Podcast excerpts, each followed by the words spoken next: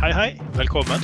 Det har dukket opp en del eh, spørsmål, for eh, noen eh, lurer på hvem disse to kjekke karene som dukker opp når de søker på Spotify etter intro til Kubernetes. Og da er det jo selvfølgelig Jon Arild og Vidar som dukker opp igjen. Vi tenkte at denne omgangen med Kubernetes-intro var såpass etterspurt og så avspilt at kanskje man har lyst til å gå litt, litt mer i dybden på Kubernetes. Så da har vi selvfølgelig kalt tilbake igjen de to spesialistene vi hadde med Vidar og Jon Arild. Så velkommen til dere to igjen. Takk for det. Tusen takk for det. Ja, Nå som dere kanskje har kommet i gang og fått enda mer erfaring enn det dere hadde sist, er det kanskje noe dere vil eh, gå i dybden på som dere ser som eh, en naturlig neste kunnskapsnivå som folk bør få med seg? Skal jeg ta den videre? ja, du kan, du kan gjøre det. det... Nei, eh, vi tenker jo det at eh, når, når liksom folk er kommet opp og gå med, med Kubernetes eh, som konsept og, og, og fått en, en, del konsepter på plass, så, så er det gjerne et neste, nest, neste naturlig steg er å få ivaretatt eh, på en måte cluster over tid da, eh, i forhold til oppgraderinger knytta til infrastrukturen, i forhold til hvordan skal vi vedlikeholde og deploye endringer inn i, i cluster og den type ting. Um, så det er iallfall en del av de tingene som vi har jobba eh, ganske mye med i Spormarken Best i forhold til å få det på plass. da, og Få det til å fungere sømløst og, og være 100% automatisert. Ja, for automatisering er jo selvfølgelig nøkkelordet også med infrastrukturen til det du skal kjøre det du automatiserer på? Ja, uh, og det er ofte sånn at altså, F.eks. der vi kjører i, i Asher, eh, så vil jo det være endringer i, eh, i Kubernetes der. Det kommer nye versjoner. Andre relaterte komponenter i Asher som er benytta av Kubernetes, vil bli oppdatert. Så fra tid til annen så ønsker en å oppgradere den underliggende infrastrukturen eller komponentene som ble brukt. Og det medfører ofte at Kubernetes må tas ned kjøre oppgraderinger eller bytte ut komponenter, for så å kjøres opp igjen. Eh, og Hvis du har 24-7-krav på deg, som typisk en bank har, så eh, er ikke det direkte trivielt. Da må du på en måte ha gjerne to clustre. Eh, et som du kjører live med, og et annet som du drar opp med alle de nye endringene du innfører på infrastrukturen. Såkalt blue-green-mekanismer. Ok, Så det medfører faktisk at du da har to clustre som kjører i en sånn såkalt hot and cold-situasjon, eh, eller er begge to aktive? Hvordan, eh, hvordan, brukes dette? Du har jo satt det opp, Vidar, så kanskje du kan eh, ta detaljene? Ja, altså vi kjører jo inn i Nå kjører vi i en, i en hot and cold-situasjon. At vi har, vi har ett aktivt cluster, og så har vi laget har vi satt til Azure Traffic Manager, som da er en DNS load balancer i front Sånn at vi har muligheten til å spinne opp et uh, identisk cluster som står, uh, som står, på sidelinjen, og flytte litt frem og tilbake mellom det i, i vedlikeholdssituasjoner. Og Det er jo litt sånn, det er verdt å merke da at disse uh, Jon Arild nevner, så er det faktisk noen ting som krever at clusteret tas helt ned, som i at Asher-ressursen faktisk slettes. Og Det innebærer jo også det at man må tenke litt på, på, på data og hvordan du lagrer data inn i dette her. Så ja. Men, eh, men ja. Det er, I praksis så har vi løst dette her da med å, med å ha et hot, eh, hot, cluster, et cold cluster og muligheten til å bytte mellom disse her ved hjelp av DNS load balancing. Så, så kalde clusteret er helt avslutt, eh, eller er det en kjørende kostnad på, på det kalde delen av clusteret også? Ja, det er, det er, visse ting som er viktig å ta vare på når du er en, eh, av en viss størrelse. Da. Og det er jo som, som sagt eh, Persistente disker er greit å ta vare på. Og, eh, og for ikke å snakke om IP-adressene. De aller fleste Enterprise businesser har jo et og annet eh, system der du har utgående IP-blokkeringer og sånne ting. Så det er selv om clusteret er helt, helt skrudd av og alle VM-er er profesjonelt, så er det fortsatt en bitte liten kost kjørende på, disse, på lagring og IP-adresser. Ja, så man kan, man kan, ha en ganske høy mulighet til aktivt, eh, en aktiv redningsløsning her, men uten at du dobler kosten, sånn som man gjerne hadde tenkt hvis man må kjøre dette på, sine, på sin egen hardware. Så må du jo kjøpe, kjøre to ganger servere, ha, ha det stående. Men her, her, kan du altså redusere kostnaden på din kalde del. Ja, absolutt. Men hvis du, hvis du, har et ønske om at det skal fungere som redningsløsning, så krever det også at du aktivt tester det og har en, har en forståelse av hvor lang tid det tar å sette opp. Og at den, at den recovery-raten der er akseptabel. da. For det tar jo fort en, en halvtime å sette opp et cluster, pluss den tiden det tar å provisjonere inn maten i det. da. Riktig. Så, så, man må teste dette godt nok og grundig nok til at man faktisk vet hvilken tid man har, og så må man vurdere da, den tiden man har av nedetid, om den er akseptabel for de løsningene som kjører på det, rett og slett. Det stemmer. Ideelt sett da, så skulle en jo egentlig ønske, altså hvis du ser bort fra kostnadsbildet, da, så skulle ønske at disse to egentlig var live hele tiden. Eh, for å sikre seg om at uh, det ikke er noen forskjeller på de clusterne. For de skal jo være helt, helt identiske. Men eh, som du nevner, altså pga. kostnadsbildet så er det naturlig å på en måte ta ned i hvert fall de, mest, eh, de dyreste komponentene, da, så at det ikke genererer kost. Samtidig kan jeg bare nevne at dette er jo måten vi har valgt å løse det på. Men vi syns jo det var egentlig en ganske ekstrem løsning. Eh, men vi har ikke sett noen annen mulighet. Så eh, vi, om noen har andre bedre løsninger på dette, så er vi veldig åpne for å å, høre om det. da. For uh, som sagt, det, det, det, er ikke ideelt. Vi skulle ønske vi kunne oppgradere infrastrukturen vår uten å måtte duplisere opp alt sammen. Mm, sånn at det hadde blitt litt mer kanskje i serverless-tankegangen at det i bakkant bare overførtes til noen nye kjørende maskiner uten at det var nedetid i det hele tatt?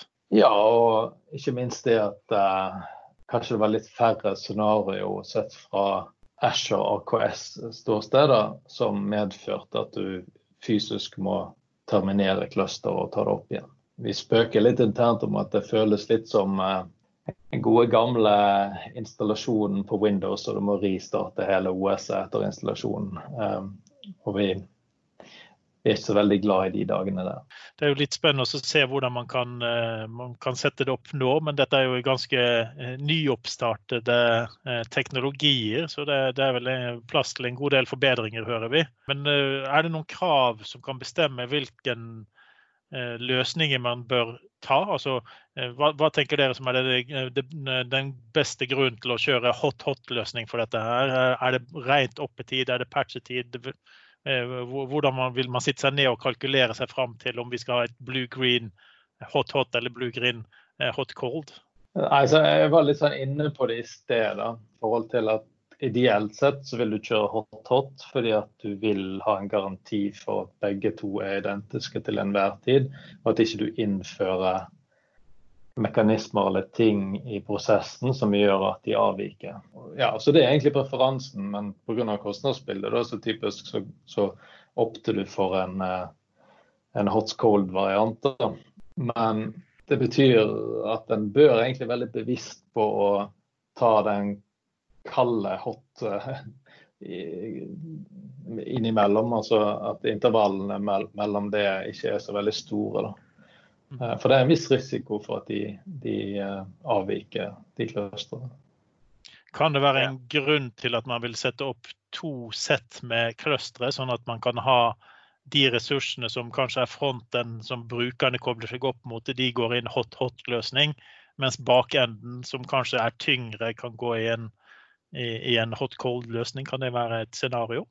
Jeg tror det er en ting som uh, jeg må understreke her, og det er egentlig at dette er noe en utelukkende gjør pga. infrastrukturoppgraderinger. Det er ikke noe en gjør for tilgjengeligheten for, for i, i, sin helhet. Uh, i, alle de oppetidsmekanismene i forhold til å klare å uh, på en måte serve applikasjoner uh, og, oppgradere applikasjoner og den type ting, det ivaretas internt i Kubernetes på en god måte. Så dette er egentlig eh, en mekanisme en innfører for å sørge for at eh, eh, oppgradering av AKS eller Kubernetes og tilhørende infrastruktur er håndtert. Så Sånn sett så, så ser ikke noen grunn til at du skal skille mellom de, altså front-end, back-end-type mekanismer. da. Men selvfølgelig, en kan gjøre det, men personlig nå så ser jeg ikke en, en stor gevinst med det. Uansett så er en, en viktig ting her, uh, som gjerne er en fordel med å ha en, ha en bevisst, for, bevisst, forhold til at ting skal gå cold en gang iblant, Eh, det er jo litt det at det å provisjonere et nytt cluster, der må du ha stålkontroll på hvordan du får et nytt cluster inn i staten til produksjonsclusteret ditt. Da har vi valgt å bruke WeWorks Flux som, uh, som mekanisme, da. Og GitOps for å dytte inn egentlig clusteret i den samme staten.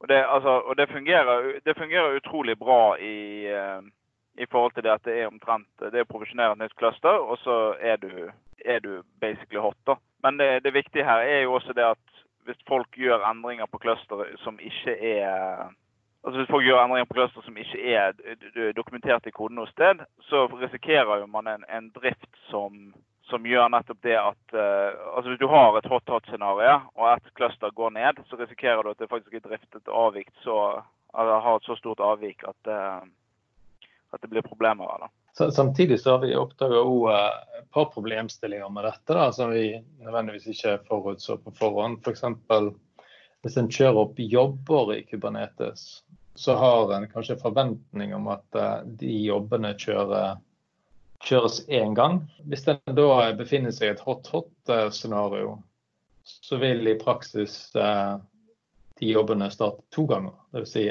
én gang i, i hvert cluster. Eh, og det har eh, for noen eh, medført litt uventa ting.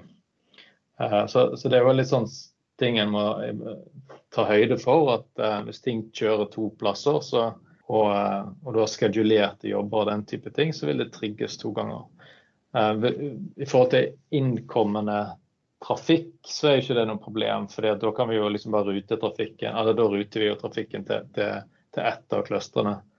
Men som sagt, køsystemer og jobber og den type ting vil, bli potensielt trigge flere ganger. Eh, som òg kan være en grunn til å liksom kjøre hot call, da, for å ikke duplisere opp den type ting. Ja, og samtidig mener jeg at det er litt viktig å ta høyde for det at når du kjører ting i et altså distribuert system, som Kubernetes tross alt er, at du, at du har tatt høyde for egentlig de tingene at det, det kan eksistere samtidige instanser og sånne ting. Helt enig i det. Men så, hva, har dere da, av, hva har dere da av overvåkning når, det, når dette, eh, det, dette kan skje? Er, er, verktøyene som eh, er default bygd inn i løsningen, er de gode nok til å kunne overvåke og se statusen og sånne ting? Oppdage ting som dette her? Ja, altså, Du tenker på at ting kjører to ganger og, og lager krøll og sånne ting? Ja, for eksempel. Eh, ja det er jo ofte en eh, si, applikasjons... Eh, altså noe du overvåker på applikasjonssiden. Da. Vi har jo, en, eh, har jo, bygd oss en ganske fin integrasjon med Splunk. Så jeg tror nok det var noen uh, utviklere der som reagerte på en haug med feilmeldinger basert på at databasetabeller allerede fantes. Og, og, litt sånne ting. Som egentlig gjorde at vi ble klar over den problemstillingen. Da. Og dette er en typisk problemstilling for typisk med gjerne litt eldre applikasjoner og eldre uh, mekanismer da, som uh, har en forventning av å på en måte kunne kjøre alene. Da. Mens type klassisk cloud native-tankegang, så kan en jo aldri forutsette det. Typisk så er det en jobb kan kjøre En jobb kjører typisk minst én gang. Det er, det, det er garantien en har. Så jeg må eh, ta høyde for at jeg kan kjøre flere ganger. Så det er gjerne litt problem med å når vi skal gå over til innholdssiden, så kan det være litt problem med å ta, ta gammel kode og få den til å kjøre smertefritt på Kubernetes uten å skrive om for mye? Ja, absolutt. Og det, det tror jeg er en, en, en, grunnleggende regel uansett. At det, eh, det er litt samme som at hvis vi tenker vi skal migrere eh, ting som har kjørt i la oss kalle et stabilt driftsmiljø, da, altså et uh, tradisjonelt uh, uh, driftsmiljø, så er ikke det bare å kaste det inn i skyen. Et tradisjonelt datasenter er stabilt av natur. En sky er ustabil av natur. Og det gjør noe med måten en arkitekterer applikasjoner og løsninger på. Så en kan alltids flytte VM-er i lift and shift-type mekanisme, men Eh, du oppnår særdeles lite med det. Og ja, eh, kostnadsmessige biten av det er, er, som regel vesentlig høyere. Eh, I forhold til Kubernetes-biten av det, så kan du liksom containerifisere applikasjoner Men hvis du ikke tar høyde for en gitt type arkitektur som skal kjøre cloud native, så, så vil, det, vil, det, oppstå problemer. Um, for en kan ikke forvente at uh, Eller det, det, er andre mekanismer i spill uh, i, i, en uh, cloud native variant enn det er et stabilt, tradisjonelt driftsmiljø. Ja, så Man må rett og slett ta litt høyde for at uh, alt endrer seg. Så man uh, må, må, få litt mer kontroll over hvordan det endrer seg, før man legger tingene opp der for å være sikker på at uh, tingene går som forventet. Ja, og at ting bare plutselig forsvinner. Altså Plutselig så forsvinner det en container eller en pod fra, fra cluster, og så kommer opp igjen fire sekunder etterpå eller to sekunder etterpå. Og, og det må på en måte Applikasjonen må være satt sammen på sånn måte at den forvente å håndtere den type scenarioer. Eh, vil dere si at det er en, eh, en, eh, gøyere utfordring å skrive kode på denne måten, altså som tar høyde for dette her, eller er det bare mer slitsomt? altså Er det mye du må tenke på når du liksom endrer mindsettet på denne måten her? Jeg vil si at uh, de har egentlig visst om dette lenge. Altså i flere titalls år. Uh, og så er det noe med det at de ikke skal overarkitektere løsninger og den type ting. Men eh, for de aller fleste utvikler arkitekter så er dette kjente prinsipper. Eh, men han har liksom klart å sluppe ganske billig unna da, i, i forhold til å, å, holde ting i, i stabile driftsmiljøer. Om det er kjekkere eller gøyere eller ikke, er litt vanskelig å si. Det er mer utfordrende. da, Det er flere ting å eh, ta høyde for. Ja, Man blir rett og slett litt mer bundet av de reglene som egentlig alltid har vært der, men nå har det faktisk en konsekvent over å bryte reglene som kanskje ikke var til stede tidligere?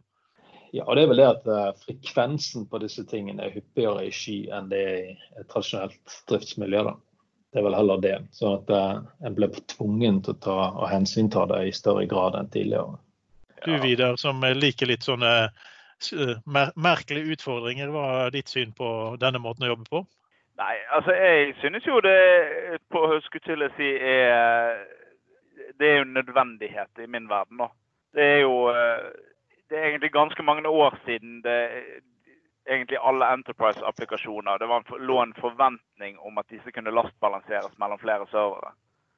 Så det Etter min mening så er jo egentlig er, er vi jo der at den biten er egentlig godt ivaretatt. Det som ikke nødvendigvis alltid er så godt ivaretatt på, på applikasjoner, er jo eh, er kanskje det at, eh, at, man av og til forventer litt rare datakommunikasjoner mellom at, at de lastbalanserte instansene chatter på litt spesielle måter, gjerne over litt sånn eh, altså plattformproprietære protokoller. Det kan være et problem. Og en annen ting er litt det som Jon Arild sier, at i Kubernetes så er det, kan en scheduler finne ut at hei, du passer ikke på denne maskinen her lenger, så du må, du må, jobbe, altså du må flyttes over på en annen maskin.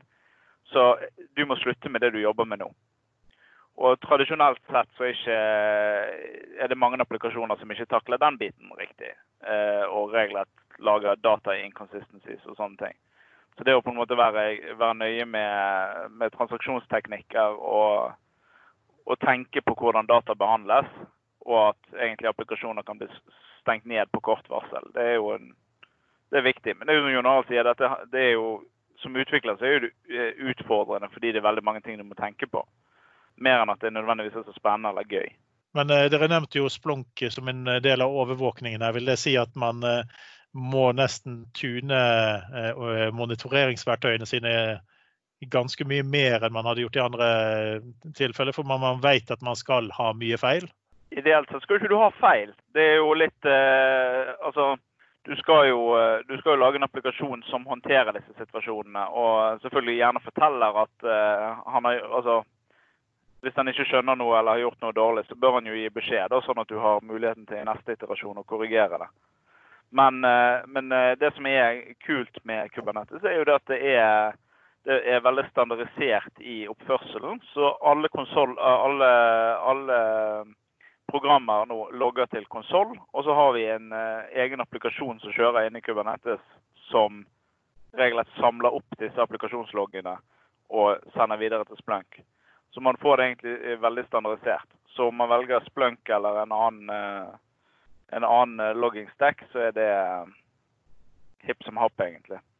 Så, så, man overvåker rett og slett på en litt annen måte enn det man tradisjonelt kanskje har gjort fra oss fra driftssiden, hvor vi forventer at en, en tjeneste er tilgjengelig hele tiden. og Hvis den ikke er tilgjengelig, så skal vi ha en tilbakemelding. Men i Kubernetes-verden så vil det da si at vi er mer at vi overvåker resultatet av noe for å se om det kommer tilbake innenfor gitte tidsrammer.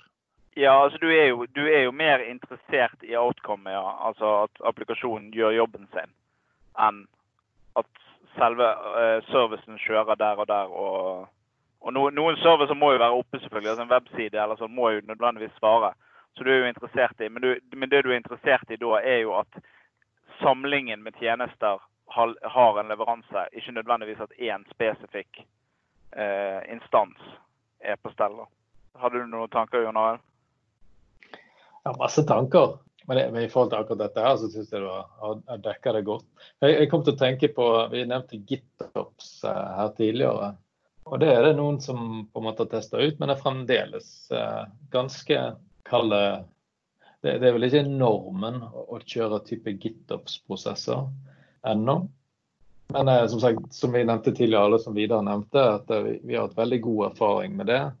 Uh, I praksis så betyr det jo egentlig at det utviklerne eller driftere eller hva det måtte være, uh, pusher til uh, GitHub eller Git, det blir automatisk fanga opp inni Kubernetes-clusteret og, og applya direkte der. Så istedenfor at du sitter på din maskin og kjører kubectl-kommandoer mot Kubernetes, så vil disse templatene fanges opp inn i clusteret og, og applies direkte inn der da, av en GitOps-prosess. Uh, vi bruker da Flux, som, uh, som Vidar nevnte. Det er jo en liten sånn uh, paradigmeskifte for enkelte. For det betyr i praksis at når du pusher noe til Git, så går det kort tid, og så blir den endringen utført i clusteret. Og dette gjelder òg det er for konfigurasjoner av komponenter inne i Kubernetes. Men så er det et annet aspekt som går på oppdatering av applikasjoner.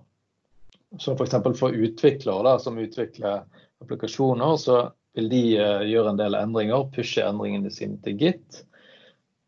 Så er det en CE-prosess som bygger en ny docker-container som får en ny versjon. Og denne GitOps-prosessen har også en mekanisme for å overvåke eh, container registryet til, til uh, der vi lagrer uh, container images. Og den vil oppdage når en ny versjon blir oppdatert. Og så vil han hente ned den versjonen og oppdatere clusteret. Og For mange utviklere så er det litt mye magi som skjer der. For det eneste utvikleren gjør, var å pushe noe kode til et Git-repository. Og 30 sekunder eller et minutt eh, senere så finnes det en ny versjon eh, ute på et cluster. Så GitOps er ikke nødvendigvis bare noe du gjør. Det, det gjør at Litt avhengig av hvordan du har jobba med disse tingene tidligere, så er det et, eh, stort, en ganske stor endring i, i måten en jobber på og, og tilnærmingen en har til utvikling av software. Men Setter dette mye mer eh, krav til utviklerne, eller er det feil mekanismer for å fange opp hvis noe har gått feil på veien her? Altså Hvis eh, en utvikler gjorde en liten feil i koden sin, vil det bli fanget opp, eller vil, eh, vil, vil man se at tjenesten slutter å virke? Så det er ikke noen det er ikke noe på en måte hullevare som du nødvendigvis bare kjøper og sørger for at softwaren virker. Eh, det er fortsatt sånn at eh, utviklerne må, må, på en måte i stor grad sørge for det på egen hånd. Men i, forhold til continuous integration-prosessen, så er jo du ansvarlig for å sette opp en prosess som tester og verifiserer at de endringene som er gjort, er, er riktige og, fungerer.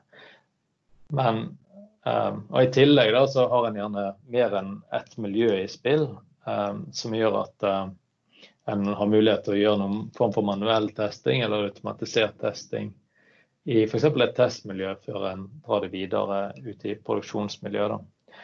Eller som hvis en er litt enda mer eh, fremoverlent, så kjører en det aller meste ut i et produksjonsmiljø, men en tilgjengeliggjør den nye funksjonaliteten kun for en del av brukerne. Da. Sånn at eh, hvis det skulle være eventuelle feil, så er det et fåtall med brukere som eventuelt eh, oppdager det. Og du slipper å forstyrre alle sammen med eventuelle eh, nye endringer. Ja, og det, det, går jo litt inn på det vi snakket om i, i første Kubernetes og SRE-tankegangen om at hvis du kan gjøre mindre endringer ofte, så blir det kanskje ikke så store feil også? Helt riktig. Det er en mantra som jeg står, stiller meg veldig bak. Korte, små endringer eh, reduserer risikoen eh, enormt. Men eh, selv, selv, med det så er det viktig å ha mekanismer på plass for å fange opp eventuelle avvik og feil og, og den type ting. Da.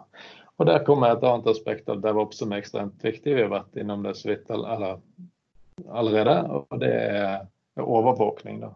Det å faktisk kunne fange opp at eh, en applikasjon, at du innfører en feil f.eks. Med, med en kodeendring, eh, er ekstremt uh, viktig. Eh, hvis vi skulle tenkt litt på å avrunde, så tenkte jeg kanskje vi kunne spurt litt om eh, hvilken eh, funksjon er det dere kunne tenkt dere kommer inn snarest mulig i en del av disse funksjonalitetene vi har snakket om. Hva savner dere mest som Microsoft bør ta tråden og få fikset, eller noen andre Kubernetes-løsninger kan fikse for oss? Du starter, Vidar.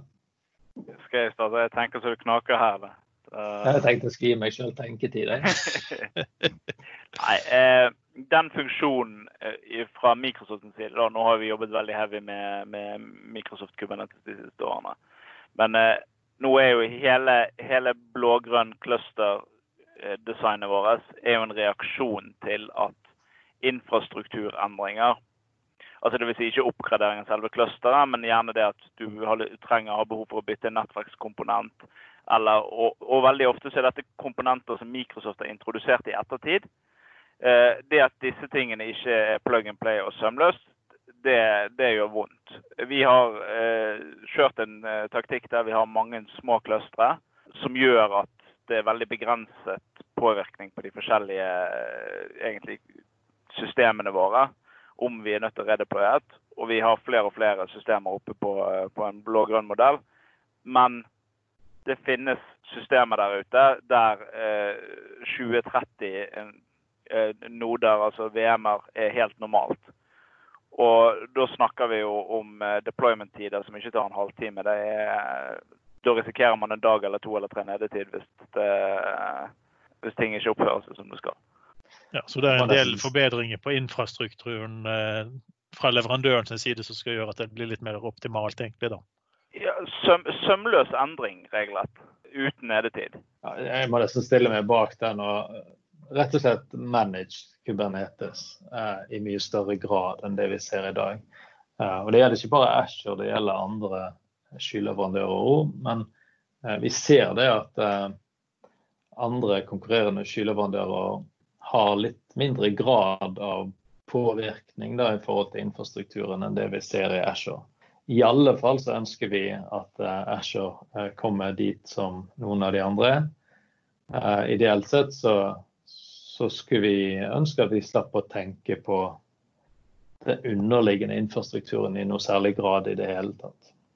Ja, Men litt av utfordringen er jo altså fleksibilitet versus kompleksitet uh, osv. Um, hvis, vi, hvis en på en måte styrer store deler av systemet managed, så betyr det ofte det at en, en skjuler og, og, eh, fjerner en del fiksjonaliteter som medfører mindre grad av fleksibilitet. Eh, så jeg ser at det, det er ikke trivielt fra skyleverandøren sitt ståsted å, å, løse den kabalen, eh, men det er likevel øverst på ønskelisten. Det, det, er jo kanskje det mest realistiske å ønske seg også, da, hvis du ser på det fra et, fra et realistisk perspektiv er, i, Spesielt i Microsoft så har jo man et forhold til nodene sine. De, de ligger i en skjult uh, gruppe, så du egentlig ser at du har en, et sett med VM-er.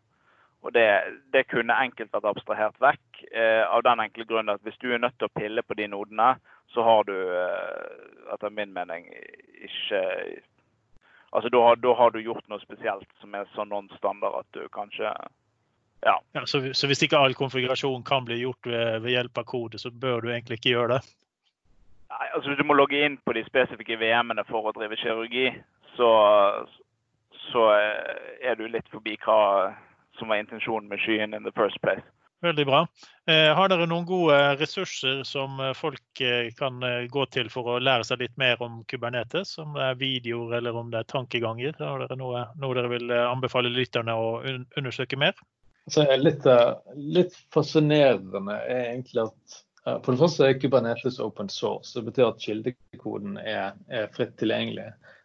Litt avhengig av hvor dypt en går ned i en problemstilling, så finner jeg oftere og oftere at det å faktisk se på kildekoden på den konkrete komponenten som en jobber med, kan av og til være hensiktsmessig. Jeg anbefaler ikke at alle skal liksom dykke ned og lese koden til Kubernetes for å kunne uh, skjønne Kubernetes, men uh, noen ganger så øker det forståelsen betraktelig i forhold til å, å, å se hva som faktisk foregår under, under overflaten. Men ellers så syns jeg at eh, altså i forhold til Kubernetes, så er dokumentasjonen til Kubernetes-prosjektet ganske god. Ellers så merker jeg eh, personlig at uh, en, en bruker ofte Google og, og leter etter ressursene der. Så konkrete ressurser har ikke jeg nødvendigvis. Men jeg vil absolutt anbefale den dokumentasjonen som, som er der. Og det vi ser da, er vel at folk er vel stort sett litt for lite flinke å sette seg inn i detaljene på enkelte konsepter. da. Eh, så en får det av og til litt sånn i bakhodet innimellom, fordi at en går glipp av en del eh, detaljer. Det er mye da, detaljer. Da er det kubernetes.io du tenker på som uh, dokumentasjonssiden? Ja. Ja, jeg har egentlig ikke så mye å legge til. Det jeg kanskje ville gi et tips, er jo det at eh, Cloud Native Foundation har en del prosjekter som de eh, på en måte trekker frem som spesielt egnet på Kubernetes. Og det er, det er ikke en del av Kubernetes-skjermen, men de spiller veldig godt på lag. Eh, de har nettopp adoptert Flux. For meg så var Flux egentlig en veldig sånn ja, det har sjelden vært så fascinert av egentlig en metode å jobbe på som det Flux introduserer. Men andre viktige ting de, de støtter opp under, er jo f.eks. Jetstack sin uh, Cert Manager, som tar seg av uh, sertifikatgenerering fra forskjellige metoder. Da, der Let's Encrypt og ACME er den på en måte klart vanligste og en veldig behagelig måte å jobbe på. da. Eh, så det er jo egentlig å sette seg inn i, i toolingen rundt det som uh, Altså litt utover det selve Kubernetes tilbyr, da. Det gir deg et veldig behagelig økosystem som uh, Ja, altså som, som, er Det er behagelig å drifte. Ja, så det, det ligger en god del ting utenfor kjernefunksjonaliteten som uh, som blir dekket av tredjepart eller andre leverandører eller andre utviklere som kan være veldig greit å kjenne til for å få mest mulig ut av det du holder på med. Absolutt. Jepp. Vi kan jo da bare avslutte med å si at vi, vi kan anbefale kubernetes.io som et sted å lete, i hvert fall. Der har du både dokumentasjon, og du har blogg og du har training. Og training igjen medfører da at du kan gå inn på eh, linker til edX for å lære deg mer og ta kurs. Og det står også litt eh, litt informasjon hvis man er nok interessert til at man ønsker å bli Kubernetes certified. For da kan du bli, bli Kubernetes certified application developer eller Kubernetes eh, administrator hvis man ønsker å gå den veien. Så da vil jeg bare si tusen takk til eh, deg, Jon Arild og, og Vidar, for at dere ville ta en, en tur innom og snakke litt med oss igjen. Bare hyggelig. Takk for at du kom.